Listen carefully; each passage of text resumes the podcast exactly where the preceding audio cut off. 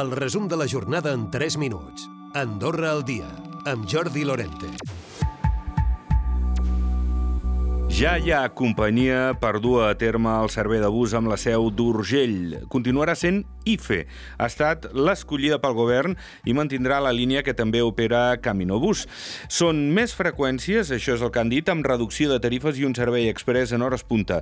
Són les principals novetats del que és aquesta possibilitat de seguir operant aquesta línia amb Andorra i la seu. El fet que IFE hagi acumulat queixes durant els quatre mesos que ha prestat el servei temporal no ha estat un problema en l'elecció, segons ha dit el govern a través del secretari d'Estat de Transició Energètica, Transport i Mobilitat, David Forner. Crec que l'acceptació d'IFE per tant de la població, que no oblidem que IFE és la marca comercial, aquí a Andorra doncs, és una empresa, no? que és Andorra 2011, que és la que està al capdavant d'aquesta autorització i per tant pensem que farà, farà un bon servei. No tenim per què pensar el contrari. Si comences a fer mal servei, doncs ja ens posaríem mans a l'obra no? i per subsanar-lo. Andorra Telecom ha adjudicat la construcció de Node, el nou edifici que ha de servir com a seu i que costarà 24 milions i mig d'euros.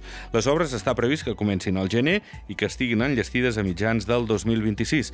El projecte s'integrarà a l'espai urbà i estarà obert a la ciutadania. I quines són les mesures de prevenció davant emergències en edificis de gran alçada? Aquesta és la pregunta escrita que ha entrat Concòrdia al Consell General. Volen saber des de la formació política quina és la normativa actual, la resistència dels materials constructius o bé els protocols de protecció a nivell laboral. Tot plegat, una demanda que ve motivada per l'incendi de la setmana passada en una de les torres en construcció a Escaldes en Gordany. Dos turismes han xocat frontalment aquest dimarts a la tarda al quilòmetre 1 de la Nacional 145 a la sortida de la Seu d'Urgell en direcció a Andorra. Un tercer vehicle s'ha vist implicat de retruc en l'accident. Quatre persones han estat traslladades a l'Hospital de la Seu en estat menys greu.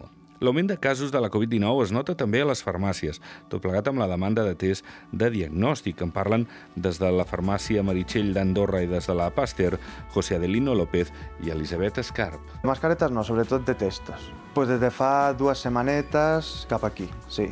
I bastants, un 40% més en aquests últims mesos potser una petita, un petit increment, per dir-ho d'alguna manera, ni significatiu per això. Eh?